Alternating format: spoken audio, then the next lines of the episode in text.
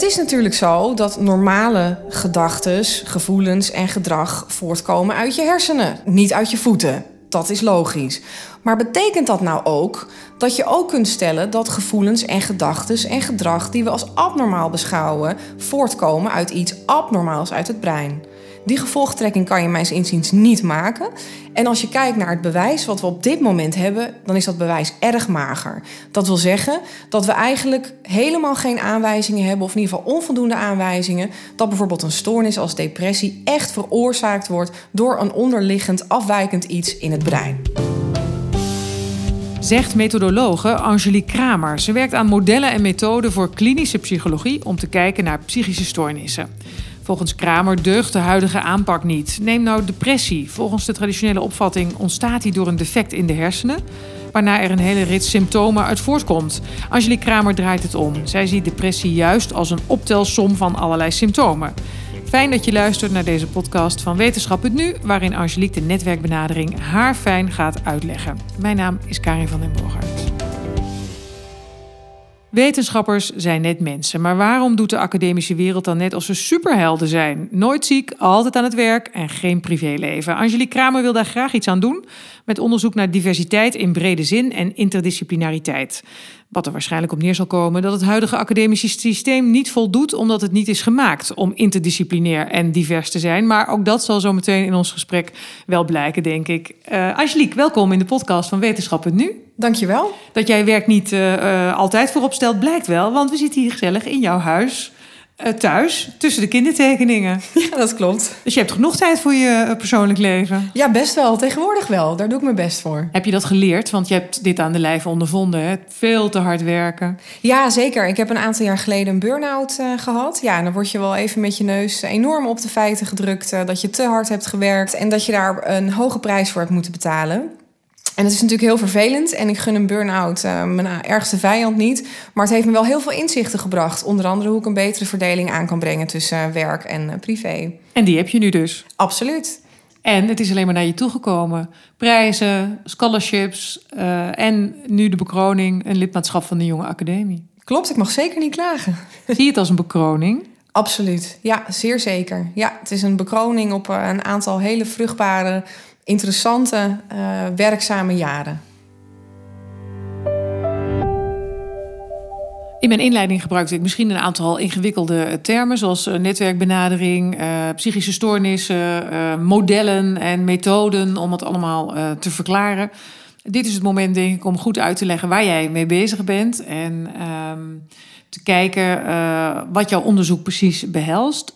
Om met de netwerkbenadering te beginnen. Wat is het? De netwerkbenadering probeert eigenlijk antwoord te geven op de vraag, en dat is eigenlijk ook tevens de vraag die mij voortdurend drijft in mijn onderzoek: wat zijn psychische stoornissen nou eigenlijk? En dan zullen sommige luisteraars misschien denken: Nou, dat is toch niet zo heel erg moeilijk. Moet jij daar nou mijn belastinggeld aan uitgeven? Dat weten we al lang. Het zijn namelijk hersenstoornissen of hersenaandoeningen. Bijvoorbeeld in november uh, vorig jaar kopte de Hersenstichting uh, nog in, uh, op nos.nl dat er in Nederland inmiddels 3,8 miljoen mensen zijn met een hersenaandoening, waarvan 1,9 miljoen mensen met een psychische stoornis. Dus nou, we zijn er al wel uit, hè, zou je misschien zeggen. Uh, niets is minder waar wat mij betreft. Het is natuurlijk zo dat normale gedachten, gevoelens en gedrag voortkomen uit je hersenen, niet uit je voeten. Dat is logisch. Maar betekent dat nou ook dat je ook kunt stellen dat gevoelens en gedachten en gedrag die we als abnormaal beschouwen, voortkomen uit iets abnormaals uit het brein? Die gevolgtrekking kan je mijns inziens niet maken. En als je kijkt naar het bewijs wat we op, op dit moment hebben, dan is dat bewijs erg mager. Dat wil zeggen dat we eigenlijk helemaal geen aanwijzingen hebben, of in ieder geval onvoldoende aanwijzingen, dat bijvoorbeeld een stoornis als depressie echt veroorzaakt wordt door een onderliggend afwijkend iets in het brein. Dus dat brein is niet zaligmakend. Dat zou je inderdaad zo kunnen zeggen. Natuurlijk wel een belangrijk onderdeel, nogmaals, van ons functioneren. Hè. Ik, ik zit hier ook met jou te praten en dat komt allemaal ook voort uit mijn brein. Uh, maar is dat hetgene wat drijft dat iemand een depressieve episode krijgt? En daar komt eigenlijk mijn netwerkbenadering om de hoek kijken. En wat zegt die netwerkbenadering eigenlijk? Het idee is, stel je voor, je verliest je baan. Dat is heel vervelend, want daardoor uh, ga je minder goed slapen. Dat heeft weer tot gevolg dat je na verloop van tijd moe wordt. En door die moeheid kan je je niet concentreren. En doordat je je niet zo goed kan concentreren, verbrand je je vingers aan een hete oven en ram je je auto tegen een paaltje aan. Allemaal heel erg vervelend. Daardoor ga je jezelf verwijten maken. Daardoor word je somber. En door die somberheid ga je nog slechter slapen. Wat zeg ik nu eigenlijk? Dit zijn namelijk allemaal symptomen van een depressie. En wat er nu gebeurt binnen een persoon is dat die symptomen elkaar eigenlijk kunnen aansteken of infecteren. Net zoals een virus zich door een populatie heen kan verspreiden. En dat maakt voor sommige mensen dat ze uiteindelijk vast blijven zitten in zo'n visueuze cirkel van symptomen die elkaar maar blijven aansteken, met als gevolg een depressieve episode. Dus niet een alleroverheersend defect in je hersenen, wat al die symptomen veroorzaakt. Precies. Dat is, ik zeg eigenlijk iets heel anders. Wat niet wil zeggen, het is nogmaals het idee is dat die symptomen elkaar dus infecteren of aansteken. Ze staan dus met elkaar verbonden in een netwerkstructuur. Nou is het natuurlijk niet zo um, dat het brein of andere relevante biologische processen daar geen rol in spelen. Bijvoorbeeld, neem de verbinding tussen niet slapen en moe zijn. We weten allemaal dat sommige mensen zijn sneller moe na een paar nachten niet slapen dan andere mensen. De redenen waarom dat zo is, ja, dat zijn natuurlijk allerlei homeostatische processen in het lichaam die, ervoor, die daar een bijdrage aan leveren. Alleen de netwerkbenadering is in die zin geen anti-hersenbenadering, uh, maar het zet uh, de hersenen niet op het hoofdpodium. Dat is denk ik het meest voorname verschil. Is dit uh, vloeken in de kerk van de neurologen? Ik denk het niet, um, omdat ik op geen enkele wijze wil zeggen dat je geen onderzoek meer moet doen naar het brein. Het brein is een fascinerend orgaan. Ehm, we zijn nog steeds bezig met begrijpen hoe het normale brein werkt. Laat staan het abnormale brein. En er zijn natuurlijk allerlei aandoeningen waarvan we weten dat er wel degelijk pathologie in de hersenen is. Er moet zeker onderzoek gedaan blijven worden. Ook voor psychische stoornissen als, als depressie. Alleen de onderzoeksvraag waarvoor je dat hersenonderzoek gebruikt Daarover verschillen we dan van mening. Waar iemand misschien uh, in hersenonderzoek zou zeggen: Ik wil vinden wat dat ene afwijkende ding is in de hersenen waardoor iemand depressie krijgt. Zeg ik van nou ja, het is één van de uh, manieren waarop je onderzoek kunt doen naar een netwerkstructuur. Maar dat kan ook op het niveau van de symptomen. Daar heb je geen hersenonderzoek voor nodig. Dus het is niet de heilige graal voor mij. Ik heb je aangekondigd als methodoloog en niet als klinisch psycholoog. Want je zei, dan gaan mensen denken dat ik ze behandel. Dat doe je niet. Wat doe je wel? Wat ik wel doe, is in het eerste gedeelte van mijn carrière, toen ik eigenlijk nog mijn proefschrift aan het schrijven was, um, was ik voornamelijk theoretisch, conceptueel uh, bezig. Dus hoe zou zo'n netwerkbenadering eruit kunnen zien? En hadden we bijvoorbeeld uh, gegevens van grote groepen mensen. En um, daar gingen we dan een netwerkstructuur van maken om te kijken of we daar iets zinnigs uh, over konden zeggen. Inmiddels in de volgende fase van, uh, van mijn carrière, en zeker sinds ik in um, Tilburg University werk, hou ik me bezig met het ontwikkelen van uh, betere methodes om gegevens. Stel je voor dat we gegevens hebben van grote groepen mensen, of dat we heel veel gegevens hebben van één persoon. Hoe kunnen we nou uit die gegevens een netwerk construeren? En er zijn al wat methodes beschikbaar en die werken naar behoren, maar die zijn zeker nog wel voor verbetering vatbaar. Wat kan er beter? Een van de problemen is dat mensen het heel erg moeilijk vinden om heel erg lang gegevens af te staan. Dus bijvoorbeeld iemand um, heeft een depressie en uh, loopt bij een psycholoog.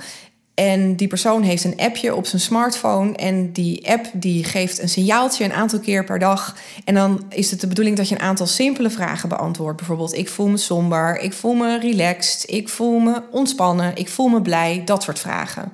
Het probleem is, is dat dit best wel veel vraagt van iemand. Dat betekent dat je zo ongeveer, zeg 8 tot 10 vragen, zes keer per dag en dat een aantal weken achter elkaar zou moeten doen. Want zoveel gegevens heb ik minimaal nodig om betrouwbaar een netwerk voor die persoon te kunnen construeren. En je kan je dus voorstellen dat het veel gevraagd is van een persoon. En een bijkomend probleem is dat juist de mensen die um, de meest ernstige psychische problematiek hebben, het snelst afhaken bij dit soort dataversamelingsprojecten. Uh, dus een uh, van de projecten waar een van mijn AIO's op dit moment mee bezig is, is van hoe kunnen we de dataverzameling zo maken dat mensen minder geneigd zijn om af te haken. Ik kan me dat voorstellen als je al met allerlei problemen te kampen hebt. En je moet ook nog, wat jij zegt, zes keer per dag dit uh, invullen en bijhouden. Dat is niet iets wat iedereen aan kan. Nee, het is eigenlijk mindfulness.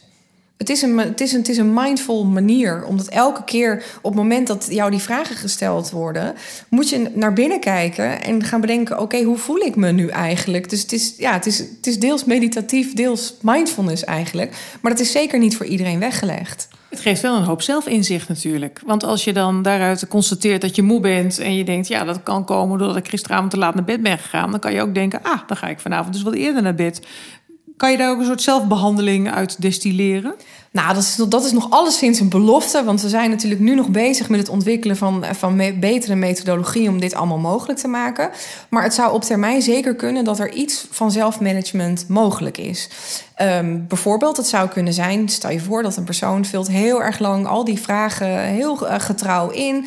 En daar zou uit blijken, iedere keer als ik slecht heb geslapen, voel ik me de volgende dag somber. Trek ik een fles wijn te veel open, hè, bijvoorbeeld, en ga ik niet sporten, nou, en zo aan, en ga ik fouten maken op mijn werk. Nou, dat, dat soort informatie zou een persoon kunnen gebruiken uh, om qua zelfmanagement te zeggen: nou, ik, ik moet echt zorgen dat ik goed slaap. Als ik niet goed slaap, dan gaan er allerlei andere problemen aangestoken worden door dat niet goed slapen, waardoor ik me een paar dagen later hartstikke slecht voel. En ik laat die wijn een dag staan. Dat is sowieso een goed idee.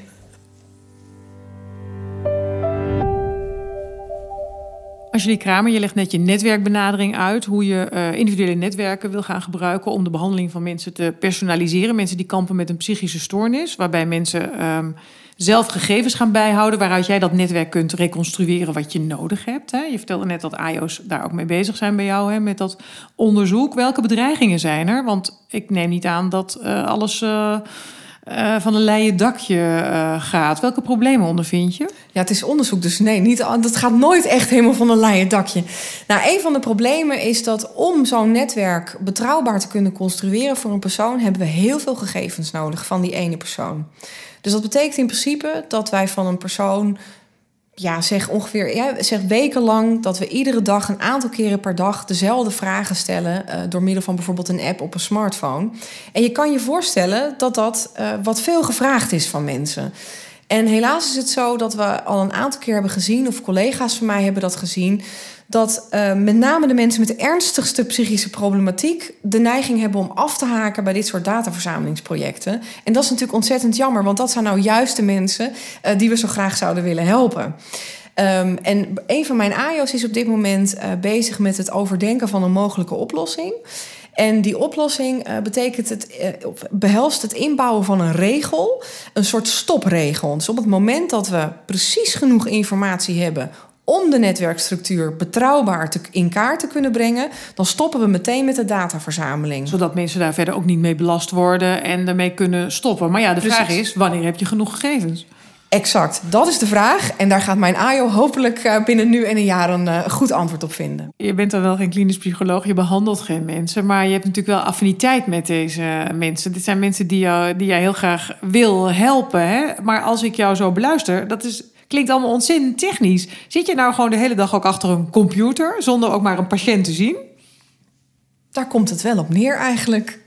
Maar dat is toch eigenlijk heel fascinerend dat je heel technisch bezig bent, terwijl je problemen van reële, echt bestaande mensen um, probeert aan te pakken.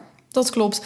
Uh, ik denk dat dat uh, een algemene tendens is in de wetenschap. Dus het, uh, het brengen van wetenschappelijke inzichten richting de praktijk is gewoon erg lastig. En de eerste fase vindt toch voornamelijk plaats achter de computer. Waarom? Juist omdat het over echte mensen gaat. Dus ik wil heel erg zeker zijn dat de dingen die wij doen, de methodes die wij gebruiken, dat we daarmee ook echt heel dichtbij de echte netwerkstructuur van iemand komen, zodat we die mensen kunnen helpen. En zolang ik daar niet zeker genoeg van ben, ga ik niks uitrollen in de klinische praktijk.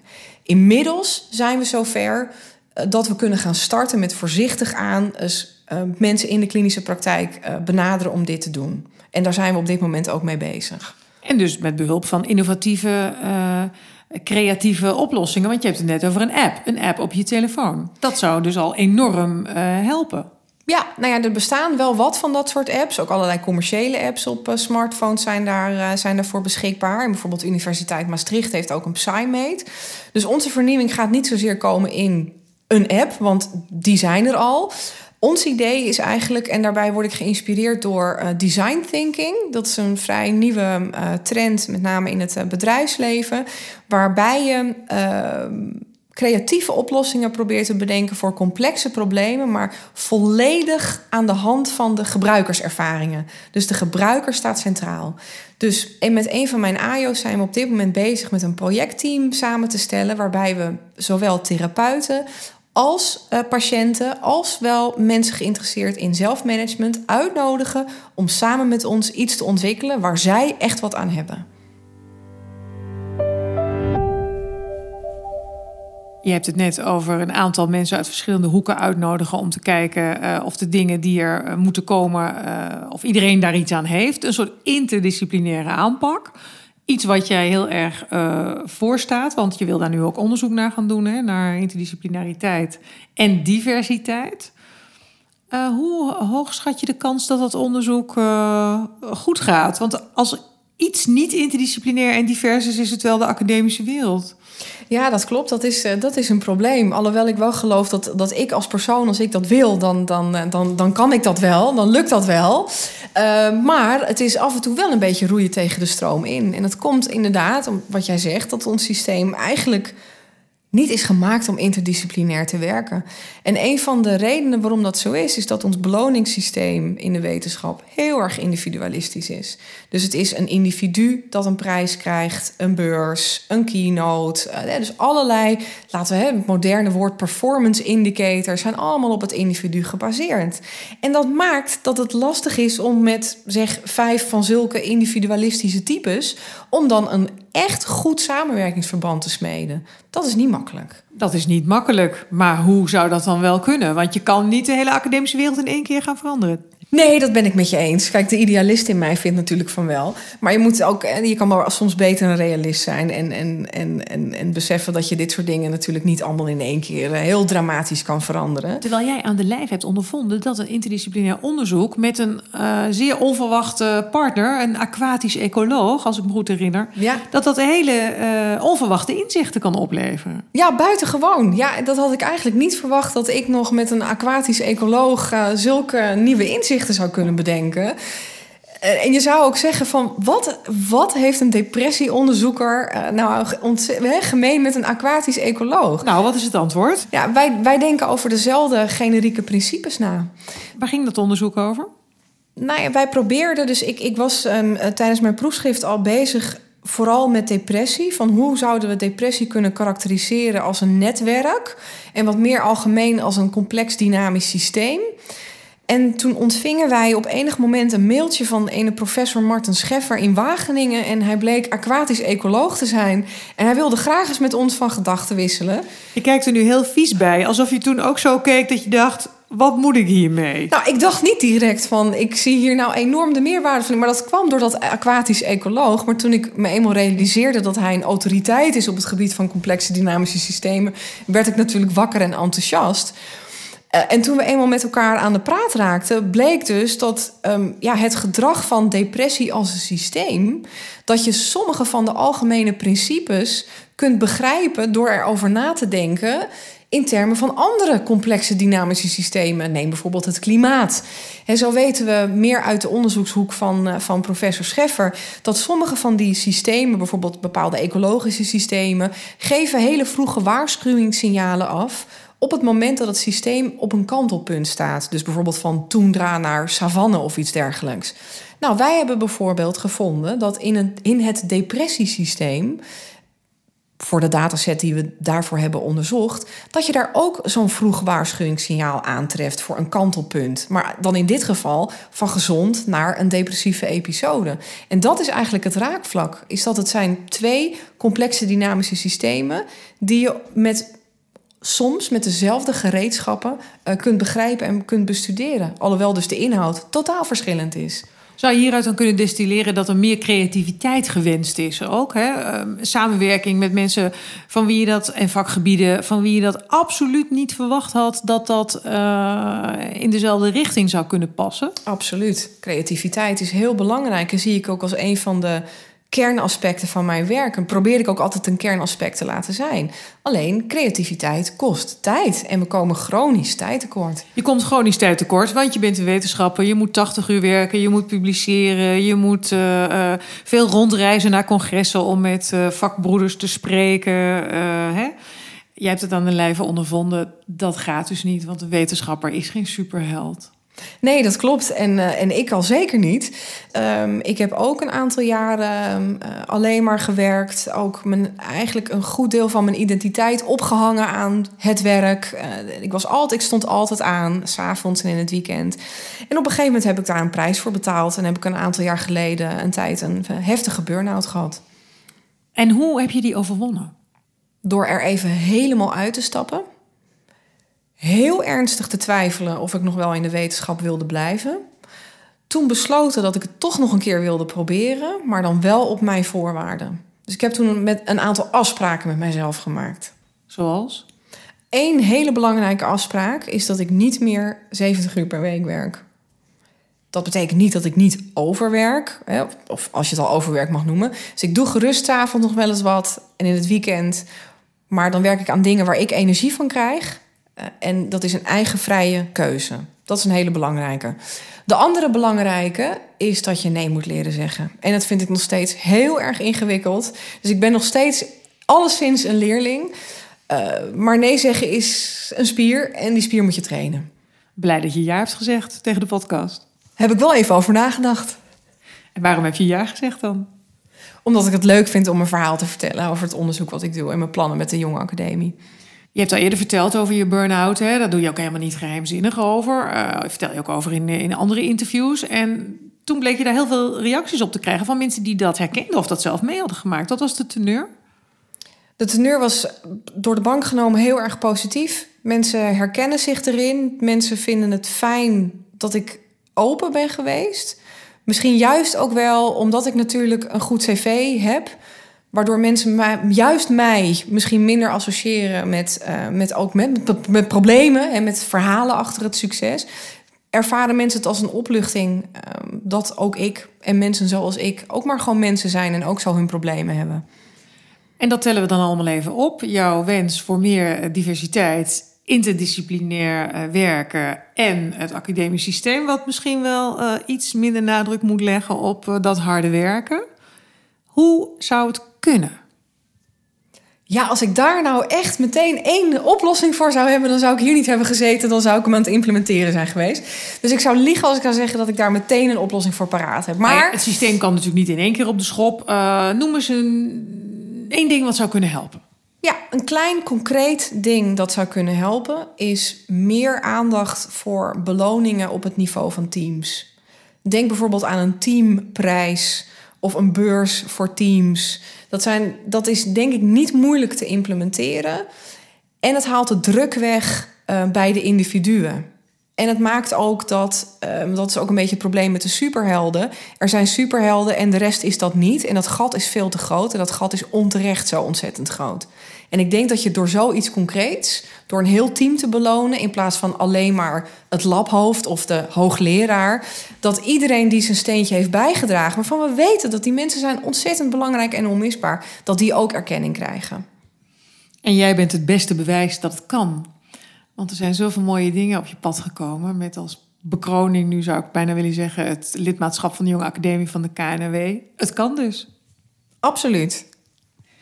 Heb je nog meer speerpunten waar je op wil gaan starten als lid van de uh, Jonge Academie? Of uh, is dit groot genoeg, dit thema wat we net besproken hebben? Dit lijkt me voor nu groot genoeg.